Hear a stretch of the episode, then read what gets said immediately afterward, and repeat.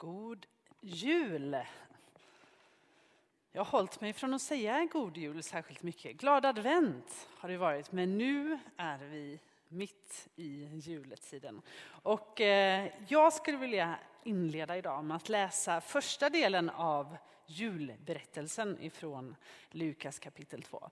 Några av er kanske har läst den många gånger den här helgen eh, och eh, hoppas inte tröttnat på den, men kanske ändå har hört den många gånger. Men kanske har du inte gjort det än och då vill jag läsa för er. Från Lukas kapitel 2, vi kommer läsa, läsa vers 1 till vers 7. Det hände sig vid den tiden att från kejsar Augustus utgick ett påbud att hela världen skulle skattskrivas. Det var den första skattskrivningen och den hölls när Quirinius styrde i Syrien. Alla gick då för att skattskriva sig, var och en till sin stad.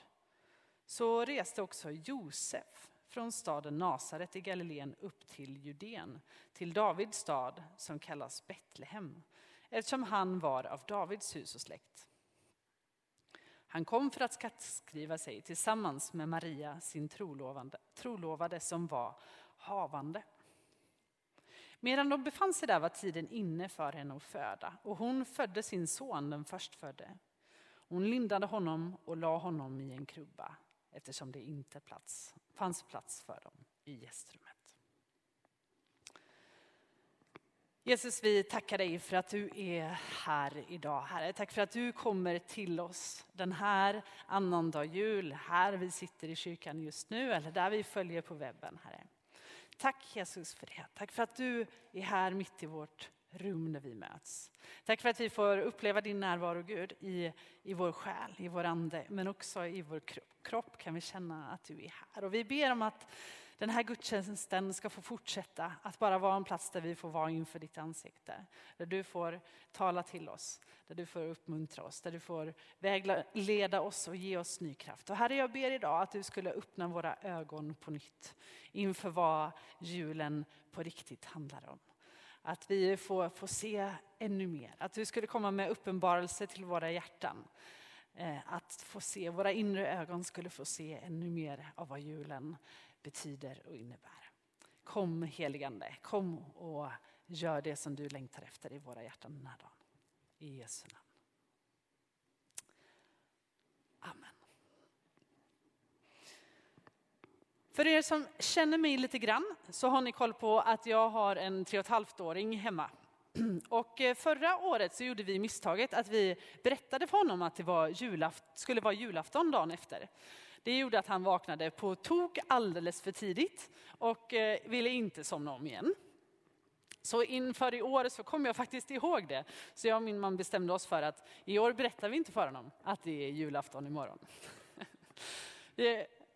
Jag råkade försäga mig några gånger dagen innan, men, eh, men eh, han plockade inte upp det.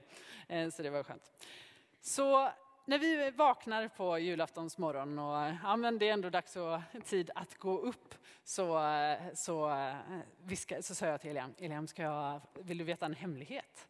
Så, för han har ändå gått och pratat om julafton och allting som ska hända innan. Vill du veta en hemlighet? Ja, säger han taggad. Så viskar jag till honom, Eliam, idag är det julafton. Och han blev ganska glad. Ja, ropade han, julafton! Och så, jag måste springa ut och se om det har kommit några julklappar. Så hoppar han ur sängen och springer eh, ut. Och eh, återigen, lite, eller, lite förutseende mamma har lagt fram bara de julklapparna vi ska öppna direkt på morgonen. Så, eh, så det ligger fyra julklappar under granen. Men Elian kommer tillbaka. Mamma, de har kommit!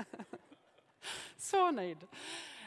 Och eh, så kommer vi ut i vardagsrummet. Jag tänker att vi ska sitta där i en mysig liten ring och öppna de här julklapparna tillsammans. Men eh, nej, innan jag har eh, hunnit någonting så har han slitit upp det paketet som han visste var till honom. Och han hittar en, en sån här ni vet, folieinslagen chokladtomte. Så. Och han lyfter den mot höjden som att han har vunnit Champions League. Liksom. Ja! Alltså, det gjorde min jul. Det räckte så för mamma. Ja, han var så glad över sin tomte. Eh, sen kan jag också, eh, sen när han hade fått de eh, riktiga julklapparna på eftermiddagen så frågade han naturligtvis efter fler och tyckte att, man, man, att det inte räckte och så vidare. Men det hade mamma läst på Instagram att det är helt okej att barnen gör det. För att det betyder bara att det var en sån härlig upplevelse att få öppna paket. Så det är bara den upplevelsen. Det behöver inte betyda att de är otacksamma för det de fick. Ja, i alla fall. Han är en högst normal liten pojke. Eh, men någonting av det där tänker jag på för oss själva också, som har firat jul ganska många gånger. Jag hoppas att vi den här julen redan kanske har fått upptäcka, men att ni, vi också den här söndagen tillsammans ska få göra lite av den här nyupptäckten. Få upptäcka julen som lite som ett barn igen, fast utifrån ännu mer vårt kristna perspektiv. Vad betyder det egentligen för vår tro och för oss som människor att få fira jul? Jag tänkte inleda med bara några sådär lite myter om julen. Vet, för ett par år sedan så spann det en film, en Youtube-film, som eh, någonstans där plockade bort alla myter om julen som, som eh, inte finns med i bibeltexten som vi nyss läste. Och, och så visade det sig att det fanns inte så mycket kvar, men den landade i att viktiga ändå fanns kvar. Men vi plockar gärna fram den här åsnan i berättelsen. Men det finns ju ingen åsna i Bibelns julberättelse. Vi antar att det fanns en, en åsna när de led, kanske för att det var ganska långt för Josef och Maria att ta sig eh, den här sträckan ifrån Nasaret till Betlehem. Men fanns det någon? Och I många julkrubbor finns det också en tjur, men den hittar vi inte riktigt heller eh, i, i julberättelsen. De möter en värdshusvärd ni vet, världens mest berömda värdshusvärd som säger att Nej, men det finns ingen plats här i värdshuset till er. Det finns ingen värdshusvärd i bibelberättelsen. Inte ens finns det ett värdshus.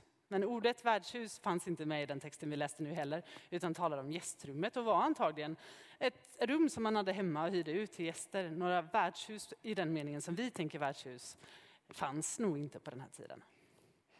Och så har vi väl klassiken som jag tror ni har hört. De kommer, de får en plats i stallet. Och så tänker vi oss liksom ett häststall, djurstall.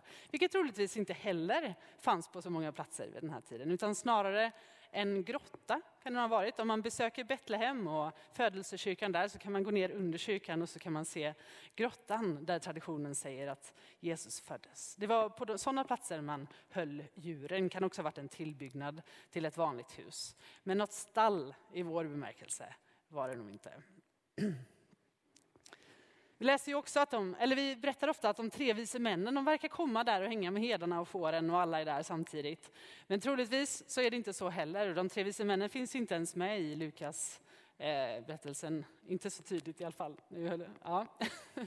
Men de kommer antagligen ett tag senare som de dyker upp och som eh, storyn kring de vise männen. Och tre vet vi inte heller att de var. De hade tre gåvor, eller det står talas om guld, rökelse och myrra. Men hur många de var, de kanske var två eller de kanske var 50. Det vet vi inte heller. I vilket fall, det viktiga var ju kvar.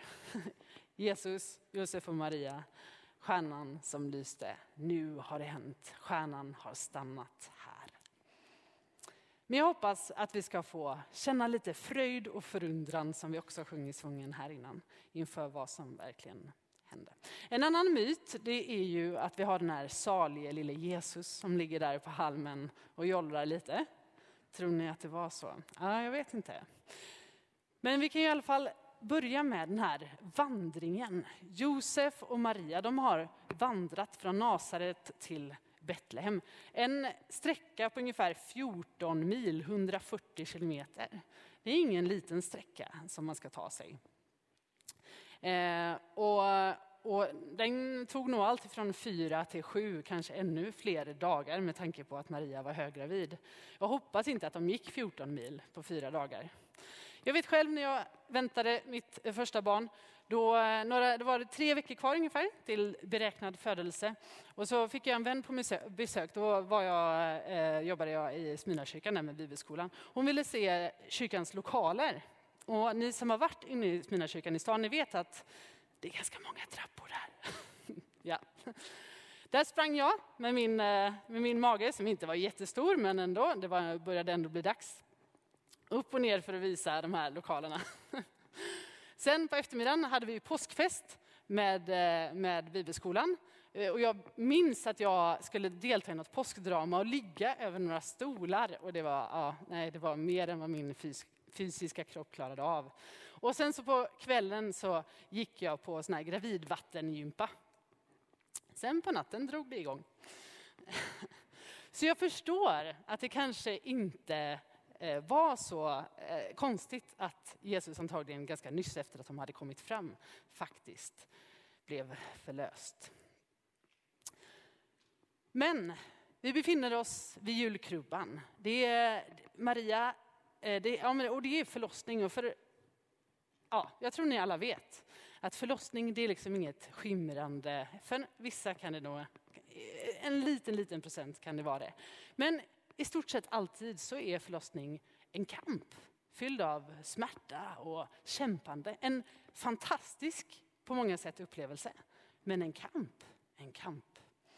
Där befinner vi oss, en Maria som har gått igenom det här för första gången. De är långt hemifrån. Antagligen är Maria och Josef långt ifrån liksom sin vanliga, de som de känner sig trygga med. De känns ganska ensamma. Och på den här tiden så var det inte så vanligt att man bara hade sin man vid sin sida när man skulle föda barn, utan sin mamma, sin syster, andra kvinnor runt omkring. Kanske Elisabet, Johannes mamma som var släkting till dem, skulle varit där egentligen vid förlossningen. Men hon får klara sig ganska själv. Hon får eh, förlösa Jesus i en grotta, liksom, eh, bland djuren. Kanske inte den mest ultimata platsen. Och som sagt förlossningen i sig själv. Men så, på det sättet låter Gud sig komma till den här jorden. För det är ju hela grejen.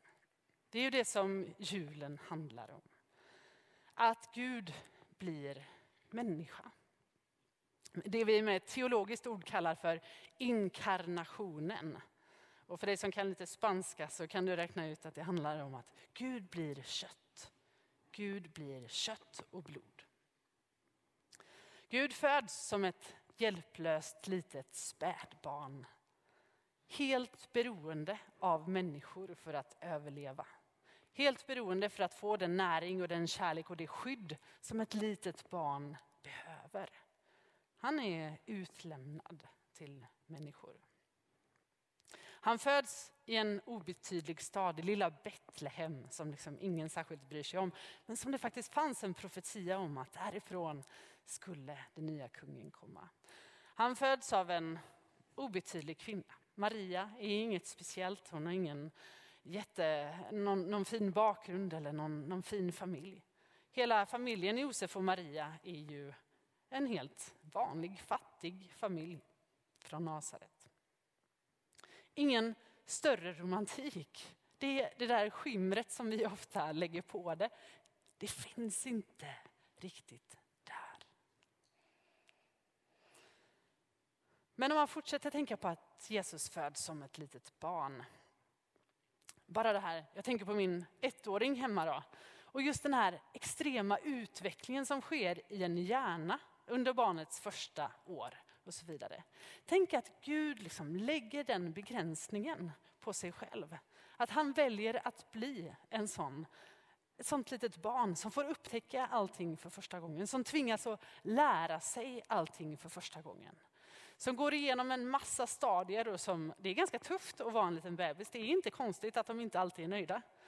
För att de, det, det är jobbigt. Det är extrem växtverk både i kropp och i hjärna. Och jag kommer att tänka på det när jag tänkte på det här. Jag vet inte. För ett gäng år sedan när jag var tonåring då gick en, en eh, film som hette Titta han snackar. Det var en av mina favoritfilmer. Någon som har sett Titta han snackar? Ja handlar om ett litet barn som någonstans har en vuxen hjärna och som någonstans bara kommenterar allting som sker. Man hör hans röst men han, han pratar inte på riktigt. Men så är det inte i det här fallet, tror jag. Jesus hade inte den, liksom, att han förstod allt vad som hände, utan Jesus blev verkligen människa på riktigt. Gud väljer att fullt ut bli människa med allt vad det innebär när han föds hit till jorden. Och jag tror inte att han vill att vi ska missa det. Jag tror att det är meningen att vi ska fatta det, annars hade inte de här berättelserna riktigt behövts. Då hade vi kunnat starta med att han eh, går ner och blir döpt av Johannes och anden kommer över honom och så drar det igång. Men det börjar inte där. Det börjar med att Jesus föds som ett litet spädbarn. Han som, ja, en, eh, han som profeten Mika beskriver som har sitt ursprung från evighetens dagar. Han som är före allt. Han som, eh, som, som strålar och som har sitt hem i himlen. Han som är av himlen. Och som vi för några veckor sedan läste om i Uppenbarelseboken 2. Hur han strålar ljus. Han klev ner hit och upplevde hur det var att bli människa. Han blev hungrig, han blev trött, men han blev också glad och kände den mänskliga lycka som vi kan känna. Han blev frustrerad och han blev till och med riktigt arg. Allt det där fick Gud pröva på. Allt det där gjorde Gud. Han fick också smaka på sorg. Till exempel läser vi om när hans vän Lazarus dör och Jesus gråter. Av egen smärta, av egen upplevelse. Och så blev han inte minst utsatt för världens ondska på olika sätt. Han blev missförstådd, han blev övergiven. Han upplevde svår ångest i ett seman. Han blev förödmjukad på olika sätt och han blev till slut också fysiskt sönderslagen och dog en smärtsam död. Som en, såg ut som en förbrytare. Men han gjorde aldrig något mot Guds vilja. Han behöll sin godhet och sin renhet genom allt. Men kan man ju tänka som en hyfsat reflekterande människa. Varför gör han detta? Vad är meningen med att Jesus gör det här? En del var ju att han lever ett heligt liv. Att, han, eh, att det är Guds sätt liksom att visa hur det mänskliga livet är tänkt att levas och fungera. Han ger oss en förebild för hur en människa kan få leva och fungera. Och han visar oss inte minst vem Gud är. Bibeln talar om att i Jesus, där har vi sett Gud. Där har vi fått se Gud så som han är. En annan, kanske också lite myt, eh, är ju att en del kan säga att vi måste fira jul för att det ska bli påsk. Om inte Jesus föds då kan han inte dö. Eller hur? För oss. Och så någonstans så ser vi julen bara som liksom ett steg fram till påsken. Och jag vet när vi skulle fira advent och Manfred ledde, ledde gudstjänsten och så hade Ola sagt till honom att det är en av våra största söndagar. Ola som jobbar här med musiken, så sa, så sa Manfred, nej, påskdagen, det är vår största söndag. Och han har ju rätt, visst är det så. Men, men första advent och den här dagen när vi firar jul, det är mer än bara någonstans någon, en förutsättning för att påsken ska ske. Som vi har varit inne på så handlar det ju om att Gud faktiskt blir människa. Att Gud tar på sig mänskliga kläder, klär sig i kött och blod. Så den är viktig i sig själv. Och det beror ju på att julen, eller att, att, eh, att julen handlar om just det här. Att Gud blir människa. C.S. Lewis han sa på engelska så här. The son of God became the son of man so that the sons of men could become the sons of God. Guds son blev människosonen för att människosönerna skulle kunna bli Guds söner. Och den ortodoxa teologin, den, de är ändå snäppet vassare. Någon gång ska vi göra ett bibelstudie på det. Men snäppet vassare, eller kanske inte just på den ortodoxa teologin, men det jag nu ska säga. Att de är lite snabb, vassare på just det här med inkarnationen och vikten av inkarnationen. Det tycker jag är intressant. Att Gud blir mänsklig för att vi ska kunna bli gudomliggjorda. Att Gud liksom, han kommer med sin gudomlighet till oss. Och så kan vi få bli försonade, en del av honom. Så det är liksom anledningen till att han kommer. Han vill också identifiera sig med vårt lidande. Vi har en lidande Gud. Vi vet att när vi går igenom tuffa, mörka stunder, då kan vi identifiera oss med honom. För att han har varit där. Han valde att identifiera sig med oss. Men sen så är det ju också det här med gropen som ibland används. Det sägs att den kristna tron, den kristna, den kristna, eh, den kristna berättelsen är den enda som faktiskt handlar, som säger det här.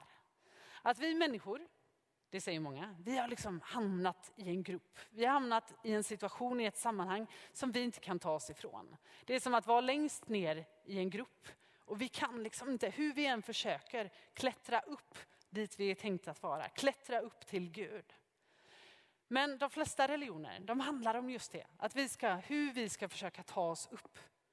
Vilka metoder och vilka tankar och hur, liksom, hur man ska leva för att ta sig upp dit man var tänkt, till Gud. Men det är ett misslyckat projekt, för det går inte. Men den kristna tron handlar om Gud som går ner i gropen och plockar med oss upp. När vi inte kunde komma upp, då kliver han ner till oss och tar med oss upp. Men varför? Varför, varför?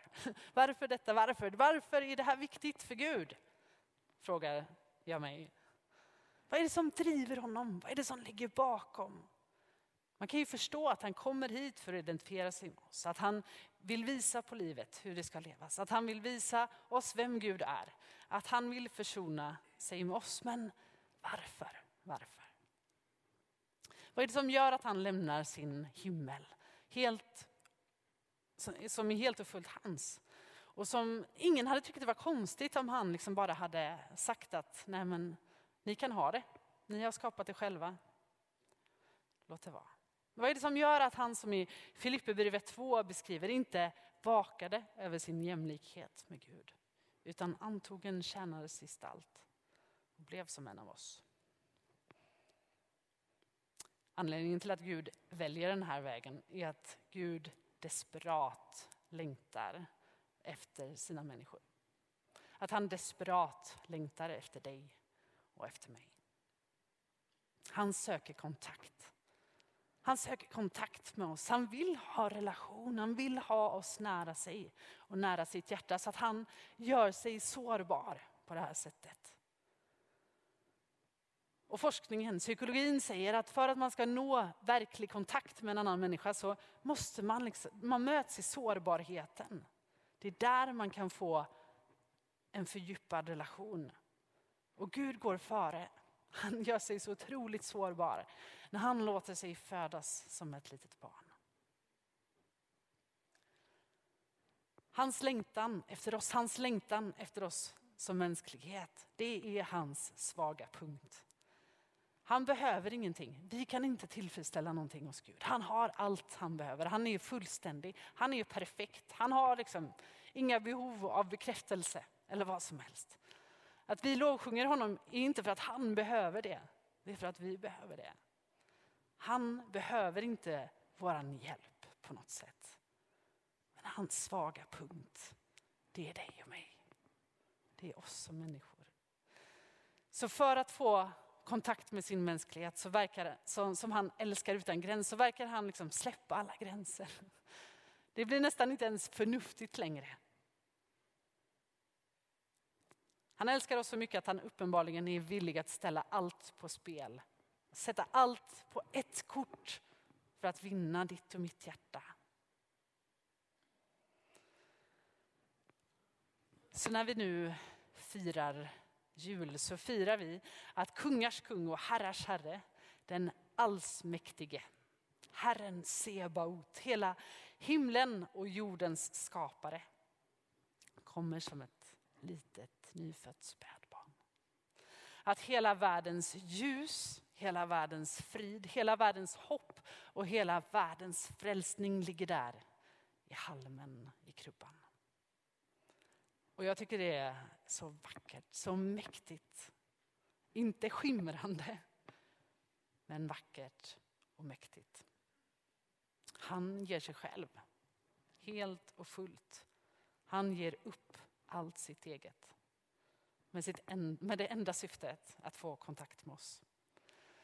För när vi inte kunde nå honom så klev han ner till oss. När du och jag stod utom räckhåll, då sökte han upp oss. För oss som hade gått vilse, oss jagade han i fatt. Och för oss som var utanför, som inte hade någon möjlighet till räddning, som inte hade någon koll på vem han var, så gjorde han allt för att kunna öppna dörren och välkomna oss hem. På grund av hans helt galna kärlek till var och en av oss, till dig och till mig. På grund av sitt medlidande och sin passion att rädda oss och ta oss tillbaka. För att komma nära sin vilsna mänsklighet och dra henne till sig. För att komma nära oss och få göra det möjligt för oss att komma nära honom och få lära känna honom för den han är. Gud gör det för dig och mig. Och hans kärlek den är inte logisk. Han räknar inte in liksom konsekvenserna i den här kalkylen. Eller så kanske han gör det och faktiskt är villig att ta vilka konsekvenser som helst för att vinna ditt och mitt hjärta. Musikerna, ni kan få komma fram. Vi ska snart, de ska snart få sjunga en sång för er som talar om det här. Som på engelska heter Reckless Love. Som skulle kunna översättas med besinningslös kärlek. Men på svenska heter den den ofattbara kärleken.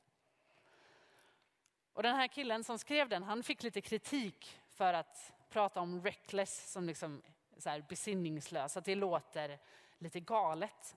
Och då hörde jag en, en, en text, eller en, ett tal han hade om varför han hade skrivit den här låten. Och jag tänkte läsa det för er innan vi här strax ska lyssna till låten. Översatt till svenska så säger han så här. När jag använder frasen den besinningslösa eller villkorslösa kärleken från Gud så säger vi inte att Gud själv är besinningslös. Han är inte galen. Vi säger dock att i många avseenden är hans sätt att älska det. Och vad jag menar är att han verkar totalt obekymrad över sin egen säkerhet, bekvämlighet och välmående.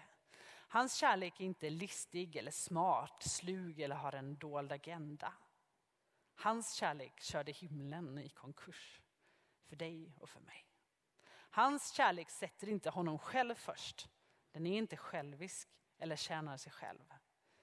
Han funderar aldrig över om han vinner eller förlorar på att ställa sig i främsta ledet utan han ger sig bara ut dit.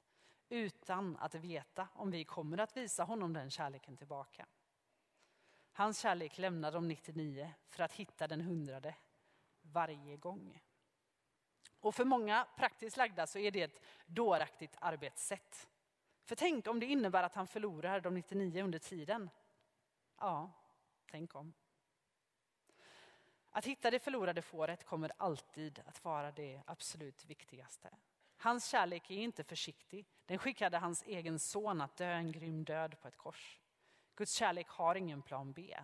Han ger sitt hjärta så fullt ut och han ger sig själv igen och igen och igen. Gång på gång, varje gång.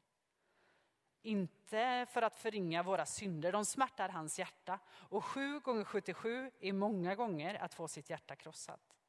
Men ändå öppnar han sitt hjärta och låter oss komma tillbaka varje gång. Hans kärlek såg dig, till och med när du hatade honom. Och när all logik sa till honom att du, han borde förskjuta dig, så var hans respons att det spelar ingen roll vad det kostar mig. Jag sätter mitt hjärta i främsta ledet så länge jag vinner deras hjärtan.